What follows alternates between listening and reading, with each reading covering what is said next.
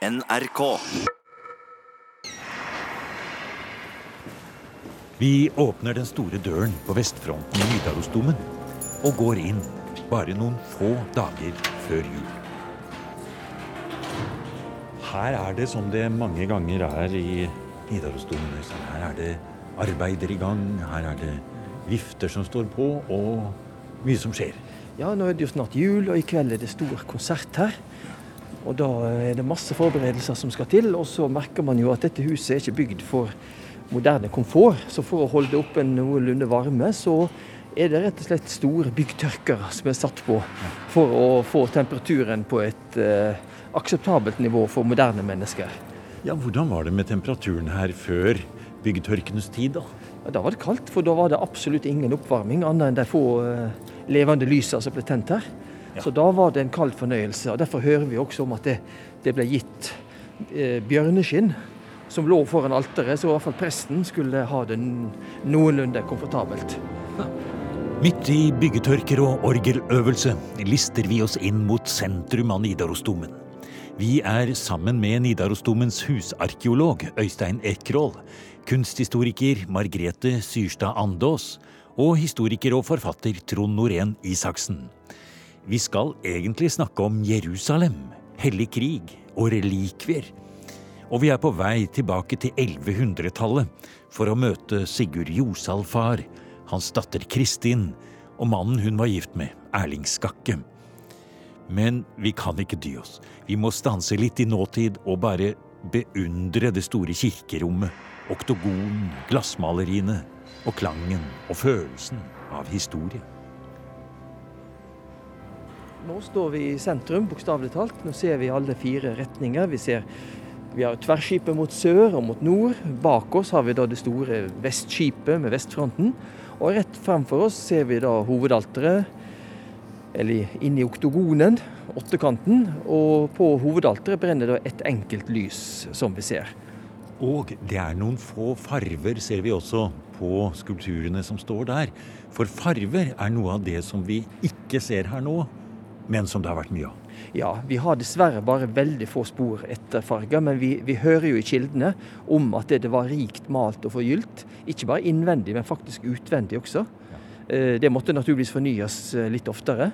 Men eh, da man restaurerte her på slutten av 1800-tallet, da hadde de den ideen at middelalderen hadde ikke noe særlig farger, ikke steinen iallfall. Så de, de, de rensa og skrapte og vaska bort alt de fant, for at de fine steinene skulle komme fram. Mens i virkeligheten, Margrethe, så var det et gildt rom her. Det var massevis av farger og gull og jeg skulle si gli, glorett, ville, er vel kanskje det ordet vi ville ha valgt i dag. Så må man tenke seg at det har vært mange altere langs eh, veggene, og de har hatt eh, dekor på framsida, og de har vært i fasten, så har de vært ekte med faste klær. Det da var det grått, eh, trist, da, da dempa man det ned, og så tok man det gradvis frem til liksom oppstandelsesdagen. Så på de store festdagene så var alterskapene åpne. Em, og da glitra det, og, på, og i fasten så var det, var det tyngden, altså den menneskets soningsopplevelse som, skulle- som skulle fremgå. Så det har vært et rom som har vært levende på en helt annen måte enn det i dag. Nå er det likt til enhver tid. Det var det ikke den gangen. Og vi hørte, Trond, at Øystein sa her at nå står vi akkurat midt i kirken her. Akkurat her er sentrumet, og vi hadde nord og syd og øst og vest. Men eh, midten av verden i den tiden vi skal til, altså 1100-tallet, hvor var verdens sentrale midtpunkt den gangen? Det var akkurat der hvor gravkirka i Jerusalem eh, står, eh, var verdens både åndelige og geografiske midtpunkt. Fordi man visste jo allerede den gangen at jorda var rund, det har det aldri vært noen tvil om. Men man trodde altså at alle de bebodde landene lå på den øvre delen av halvkula, og Jerusalem lå da altså det på det vi vil kalle for Nordpolen, da, med da de bebodde landene rundt. Og akkurat midt i verden, det var det stedet hvor Jesus var blitt korsfestet. Eh, Og selvfølgelig var også Jerusalem verdens åndelige midtpunkt, som sto sentralt i internasjonal politikk på 1100-tallet på en måte som er nesten vanskelig for oss å begripe oss. Men Jerusalem var altså bindeleddet mellom himmel og jord for middelaldermenneskene. Nærmest en relikvie i seg selv, fordi byen hadde sugd i seg all den helligheten som utstrålte da både fra Jesus og alle de andre hellige menneskene som hadde virket i byen. Og nå, Øystein, nå skal vi til Nordens Jerusalem. Eller si, Ja. vi er i Nordens Jerusalem. Men før vi forlater plassen, så kan vi jo se at vi har parallellen til Jerusalem her. For du ser den vesle messingstiften der. Ja. Det er Trondheims geografiske midtpunkt. Fordi byens målesystem har utgangspunkt i spiret på domkirka. Og alle avstander blir målt ut ifra den. Ja, for her står det i en av disse marmorblokkene som ligger som en ruter her, så ligger det en ørliten sånn messingstift, ja. Ja, det er byens geografiske midtpunkt. Så hvis du drar til Jerusalem og til Kristi gravkirke, så får du påvist en liten støtte, og det er jordas midtpunkt. Umbilis terra, jordens navle, egentlig. Og på alle middelalderkart så ser en jo at Jerusalem ligger i midten av jorda. Det er verdens midtpunkt.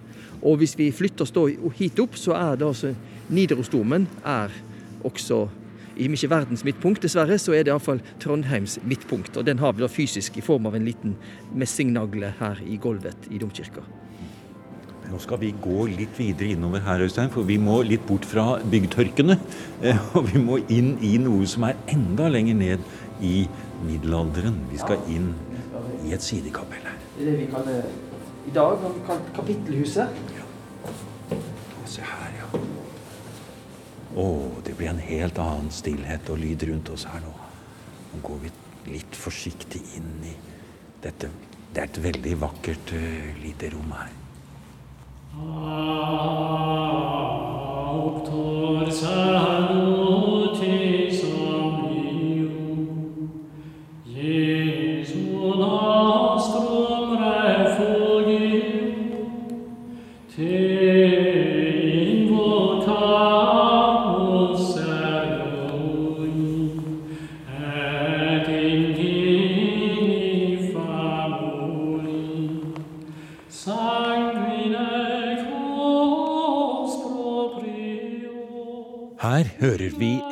lite utdrag av hvordan musikkprofessor Roman Hankeln fra NTNU selv sang noen linjer fra det berømte Fingergull-offisiet i et museumsprogram fra 2004. Cuneis, Hankeln sang akkurat i det rommet vi er i nå, kapittelhuset på nordsiden av Nidarosdomen. Og blant relikviene som ble oppbevart her på 1100-tallet, var kanskje nettopp den fingerringen med en krystallbeholder med en dråpe av Kristi blod, som fingergullmessen ble skrevet til ære for. Det har en eh, rytmisk eh, latinsk tekst som lyder slik. Auctor salutis omnium Jesu nostrum refugium te invocamus cernui et indigni famuli Hele historien om proprio. fingergull-offisiet og mer av Roman Hankelens vakre sang finnes fortsatt som podkast fra museum på nrk.no. Her får vi nøye oss med å la den latinske messen fra 1165, som nesten er en relikvie i seg selv, sette oss i den rette 1100-tallsstemningen. Og den stemningen, sier Trond Norén Isaksen, den handler om en sterk religiøs bevegelse som mobiliserte titusenvis av mennesker i Europa til å dra på korstog til Det hellige land. Alt handlet om å befri Jerusalem fra muslimene. Det var hellig krig. Og det er jo ikke noe vi vanligvis forbinder med Norge. Nei, eh, i dag så tenker man vel kanskje først og fremst på jihad eh, når man hører hellig krig. Men hellig krig er jo noe som også har vært eh, mye praktisert innenfor kristendommen. Og på 1100-tallet så var det korstogene som var det helt eh, sentrale i Europa. Eh, etter altså det første korstoget det dro ut i 1096 og lyktes da i å såkalt frigjøre Jerusalem fra muslimene i 1099. Og den erobringen av Jerusalem den skapte en sånn enorm begeistring at eh, veldig mange andre ga seg ut på nye korstog, også for da å utvide det kristne territoriet i Midtøsten. Men etter hvert så overførte man også eh, korstogideologien til andre kriger, som man følte sterkt for, eh, også da mellom kristne. Men da drar jo tusenvis av mennesker av sted fra Europa. Og det som fyrer dem opp, det er det at paven legger så vekt på at man skal befri Jerusalem, eh, og hauser da veldig opp hvordan kristne blir trakassert av muslimer, og hvordan man også ødelegger kirker. Og dette med Jerusalem det ser ut til å ha appellert til folk i mye større grad enn enn behovet for å bistå andre kristne. For når man leser de testamentene f.eks., som folk eh, skrev før de dro ut, så er det veldig få som nevner en fiende, men alle nevner Jerusalem. Men Margrethe, hvis vi tenker på den, den sagt, teologiske grunnlaget for hvem som har rett til å drepe andre i det godes navn, Bernhard av Clairvaux sa noe om det. Ja, han, han preka på 1130-40-tallet så preka han også at man måtte dra på korstog. Man, man skulle eh, hjelpe og befri eller å gjenvinne jorda for Gud. Og den prekenen har vi bevart, og det man skal huske på. For vi, nå tenker vi kanskje i lys av vårt eget eh, samfunn at det er kristne som kjemper mot muslimer, og det var jo det i praksis. Men eh, de levde jo også sammen med muslimer. I Spania så har man jo nær, nær eh, interaksjon, og vi har jo Eh, Kirkerelikvier f.eks. var gjerne pakka inn i, i, muslimske tekstiler. sånn at man har, man har en veldig nær sånn, eh, handelsforbindelse. Men man skal vinne tilbake jorda, for man må huske på det, frelses, det frelseshistoriske perspektivet. I apostlenes gjerninger så står det at man skal gå ut og gjøre alle verdens eh, hjørner, folkeslag, til sine disipler. Og det er jo grunntanken her. Det er jo misjonsbefalingen. Man skal, fordi at ved syndefallet så mista man eh, jorda. Da mista Gud Før det så, så, var alt rent og vakkert, og så eh, kommer synden inn i menneskets verden. Men det her det er en lineær tenkning i kristendommen. Man går mot et endepunkt en, eh, hvor dommen kommer, og man bør helst ha kommet lengst mulig når det, det punktet kommer. Man skulle ha gjenvunnet mest mulig av verden tilbake til Gud. Så det er det de holder på med. Det er det liksom, som liksom er utgangspunktet deres, å få gjenvunnet jorda mest mulig før dommen den ytterste dagen kommer. Og det lykkes jo, Trond, i det første korstoget. For det er jo en kjempesuksess. Når de kommer frem med denne enorme hæren til Jerusalem, så frigjør de byen sånn som de ser det selv, i hvert fall. Ja, og det var jo som Margrethe var inne på også, det var jo veldig viktig å ta Jerusalem. fordi På begynnelsen og senere også på 1000-tallet så trodde man jo at dommens dag var veldig nær. Og Da var det i Jerusalem at Jesus skulle komme tilbake og de døde skulle stå opp. og Dermed så måtte jo byen være på kristne hender. Men det var jo ikke så veldig mange igjen av denne hæren eh, da de kom til Jerusalem. For det var jo veldig mange som hadde dødd underveis de tre årene de marsjerte sørover. Men allikevel så gikk det forholdsvis lett å erobre Jerusalem den 15. juli 1099. Og da slaktet man jo ned eh, muslimer og jøder i tusentalls, eh, gir kildene inntrykk av. Det er kanskje nok en god del overdrivelser der også. Men denne nyheten om den forholdsvis lette erobringen av Jerusalem, den vakte jo noe helt enorm eh, begeistring da den eh, nådde eh, Europa. Og den nådde også Norge, og den knapt 20 år gamle kong Sigurd Magnusson. Han avla et hellig løfte om hellig krig, og ville gjøre sin del av å frigjøre fødselskirken i Jerusalem. Etter at han kom tilbake, gjorde han stor karriere som Sigurd Jorsalfar, og ikke minst hans datter Kristin, som giftet seg med en annen korsfarer, Erling Skakke, fikk stor nytte av den ære og status det ga å reise på korstog. For dette var noe helt annet enn å reise i viking, sier historiker Trond Norén Isaksen. Sigurd skulle ikke erobre nytt land for Norge, eller rane til seg rikdommer. Eh, og dette er jo noe som har blitt misforstått av mange så i Norge, som har liksom oppfattet det som et slags vikingtokt. Men det å dra på korstog det var et enormt underskuddsprosjekt. Um, det kostet flere årsinntekter. Eh, Sigurd Jorsafaret dro ut med 60 skip. Han kom tilbake med ett eneste skip som han hadde fått av kongen av Danmark. Så han ofret altså 59 fullt utrustede skip på denne ferden. Og man plyndret underveis, det ser man jo helt åpenbart av sagaene. Men det gjorde man fordi det var den eneste måten man kunne altså fø på en hær når man befant seg i fiendeland. Hvis ikke fienden var villig til å selge deg eh, forsyninger, så måtte du plyndre. Men han kom ikke hjem med noen rikdommer.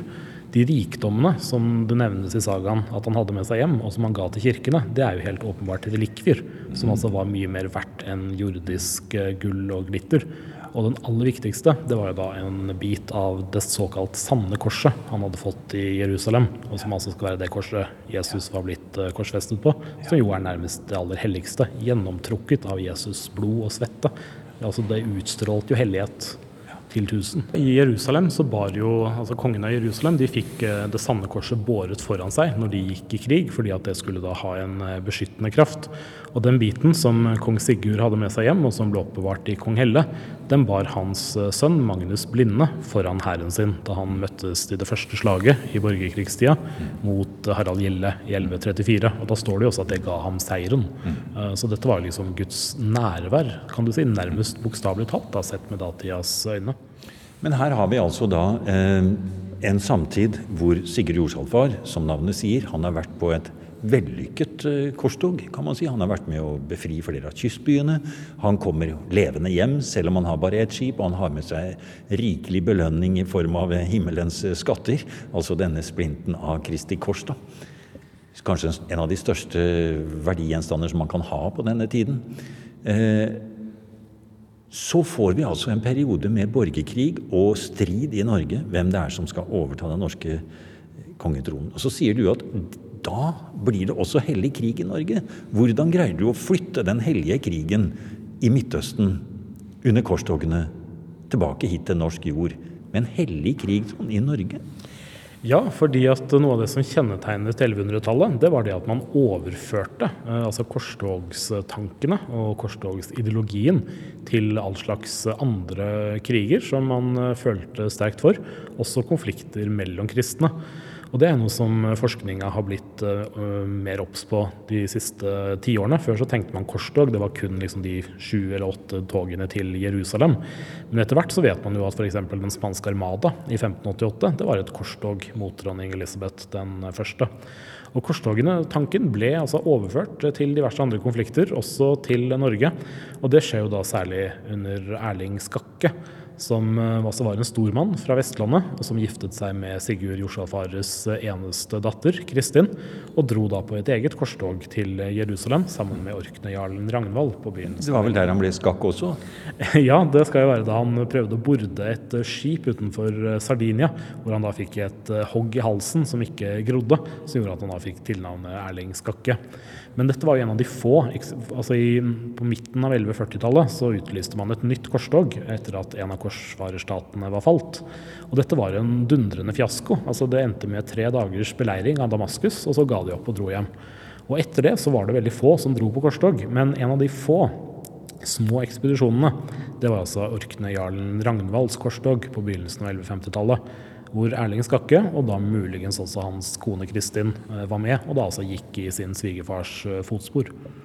Og Da han da kom tilbake til Norge, eh, så overførte han, i samarbeid med erkebiskop Øystein Erlendsson, mange av disse korstogstankene til den tronstriden som da brøt ut på nytt på slutten av 1150-tallet. Og det er, det, noe, det er, ikke noe, rart i det, fordi at eh, korstog var noe som gjennomsyret hele Europa på den tida. Og som en del av det kristne Europa så var det også helt naturlig at nordmenn tenkte i de banene. Det var rett og slett helt selvfølgelig. Men dette gjør jo at uh, borgerkrigen eh, blir en veldig mye mer bitter eh, konflikt enn hva det hadde vært før. Fordi at Før så var det sånn at når du beseiret en fiende, så kunne du gi ham grid. Dvs. Si at han fikk leve, mot at han da lovte at han ikke skulle kjempe mot deg igjen. Men Erling Skakke han slutter å gi grid. Han skal utrydde fienden. Og Det handler jo om det samme som uh, korstogene. At fienden blir oppfattet som altså, mørkets uh, tjenere. At de står i ledtog med djevelen. Og dermed så må de utryddes. fordi at hvis du lar ondskap leve, så sprer ondskapen seg. Altså Det er som en svulst i samfunnet.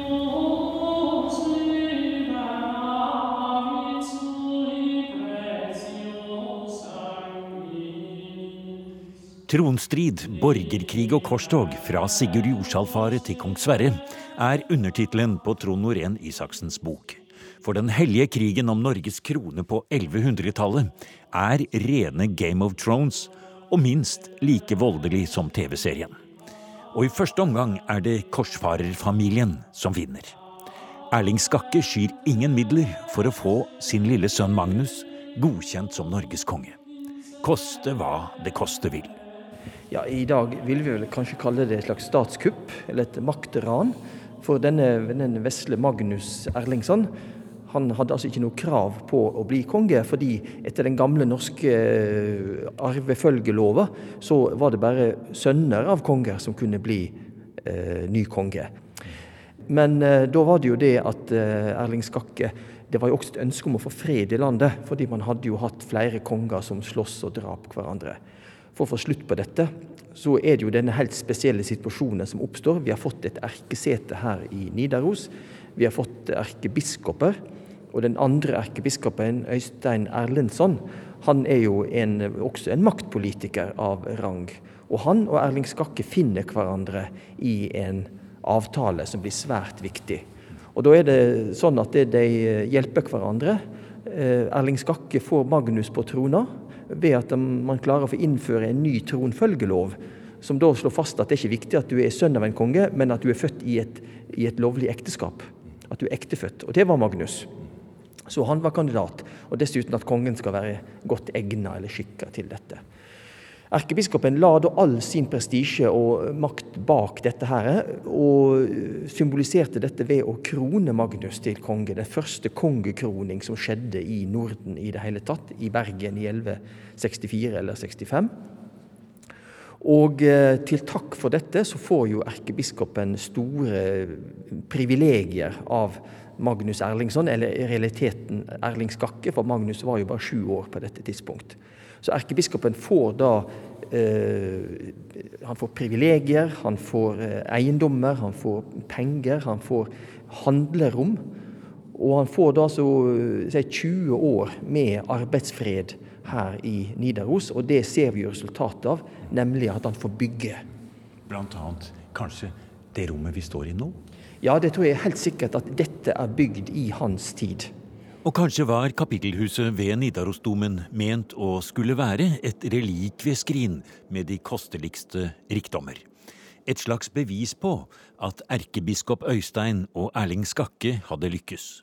Og ser man nøye etter, sier kunsthistoriker Margrethe Syrstad Andås, så kan man lese mye ut av arkitektur og utsmykking.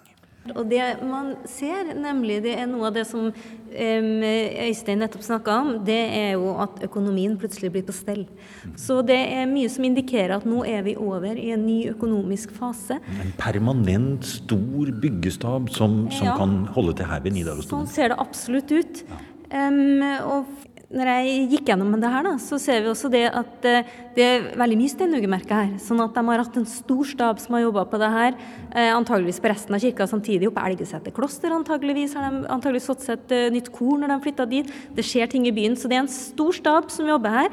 I hvert fall en 23, kanskje opp til 25 mennesker, så det har gått raskt. Men det er klart at det er ikke gratis.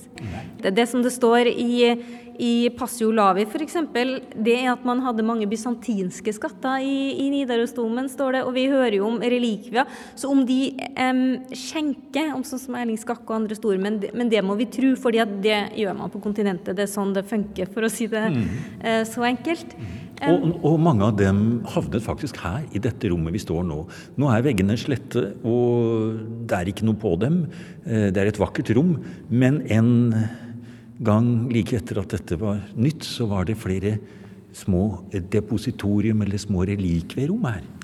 Ja, um, og det er fascinerende, fordi at man har også brukt innmari mye penger på dette lille rommet. Så i løpet av et par år så har det stått ferdig, så det har vært en prioritet på stedet. Og når du da kom mot uh, Nidarosdomen på 11, rundt 1170, da, så hvis man kommer fra um, nordsida mot kirka, så ville man sett det her kapellet, som var et selvstendig kapell, som lå ved siden av katedralen, som var mindre den gangen. Så du kunne ikke gå fra det her kapellet og inn i katedralen sånn som du kan i dag.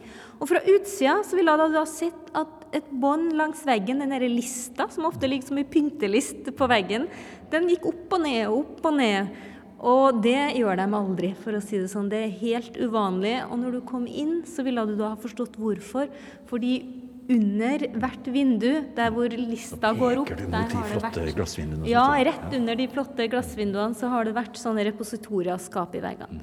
Og det har totalt vært åtte sånne her. Det ene kan vi ta bort, for det litt, har vært mindre enn de andre. Og det har vært typisk sånn som fungerer ved messen, altså det er i nærheten av alteret. Men de andre står altså systematisk der hvor veggbåndene går opp og ned. Vi vet ikke hva de har gjemt. Så det er jo som en minikatedral. Um, jeg tror det har vært relikvier. Veggene salva, de er hellige. Det er et um, et naturlig sted oppbevare relikvier, og det er vanlig for kontinentet. I neste museum skal vi fortsette vår vandring i Nidarosdomen. Og da skal vi bli med Øystein Ekkerhold ned under gulvet på sydsiden av domen. Inn i det aller innerste og mest skjulte. Nettopp. Og da blir det mørkt. Da blir det mørkt, ja. Hei! Å, nå, se! Nå, å, det her var morsomt. Nå lyser altså Øystein med sin lille lykt. Og det er helt mørkt rundt oss. Nede i krypten skal vi få høre om hvordan det til slutt gikk med Erling Skakke og hans store vyer. For, sier historiker Trond Norén Isaksen, korstogene og arven etter Sigurd Jorsalfar var starten på en ny tidsalder for Norge. Ja, så Sigurd Jorsalfares korstog det er jo en av de tingene som virkelig bringer Norge, Europa, bringer Norge nærmere Europa, eller kristenheten, da, som det ble kalt den gangen. I hans tid så blir også kirka mye mer formelt organisert i landet enn det var. Han innfører tienden, han bygger klostre, oppretter bispeseter. Og også Magnus Erlingsson og Erling Skakke det er jo de som i stor grad innfører europeiske tanker i Norge på veldig mange områder. Dessverre så kommer jo da denne antakeligvis bedrageren, kong Sverre, og utfordrer dem om makta. Og nedkjemper jo da i tur og orden både Erling Skakke i 1179 og kong Magnus i 1184, og river jo da ned mye av dette verket. Han taler Roma midt imot, som vi lærte på folkeskolen. Men kong Sverre han har nok i stor grad blitt oppvurdert av norske historikere. Det nyskapende verket det var det Erling Skakke og kong Magnus som sto for i videreføring fra Sigurd Oslafare. Du har nå hørt en podkast av programmet Museum fra NRK P2. Og send gjerne en e-post til museum krøllalfa nrk.no.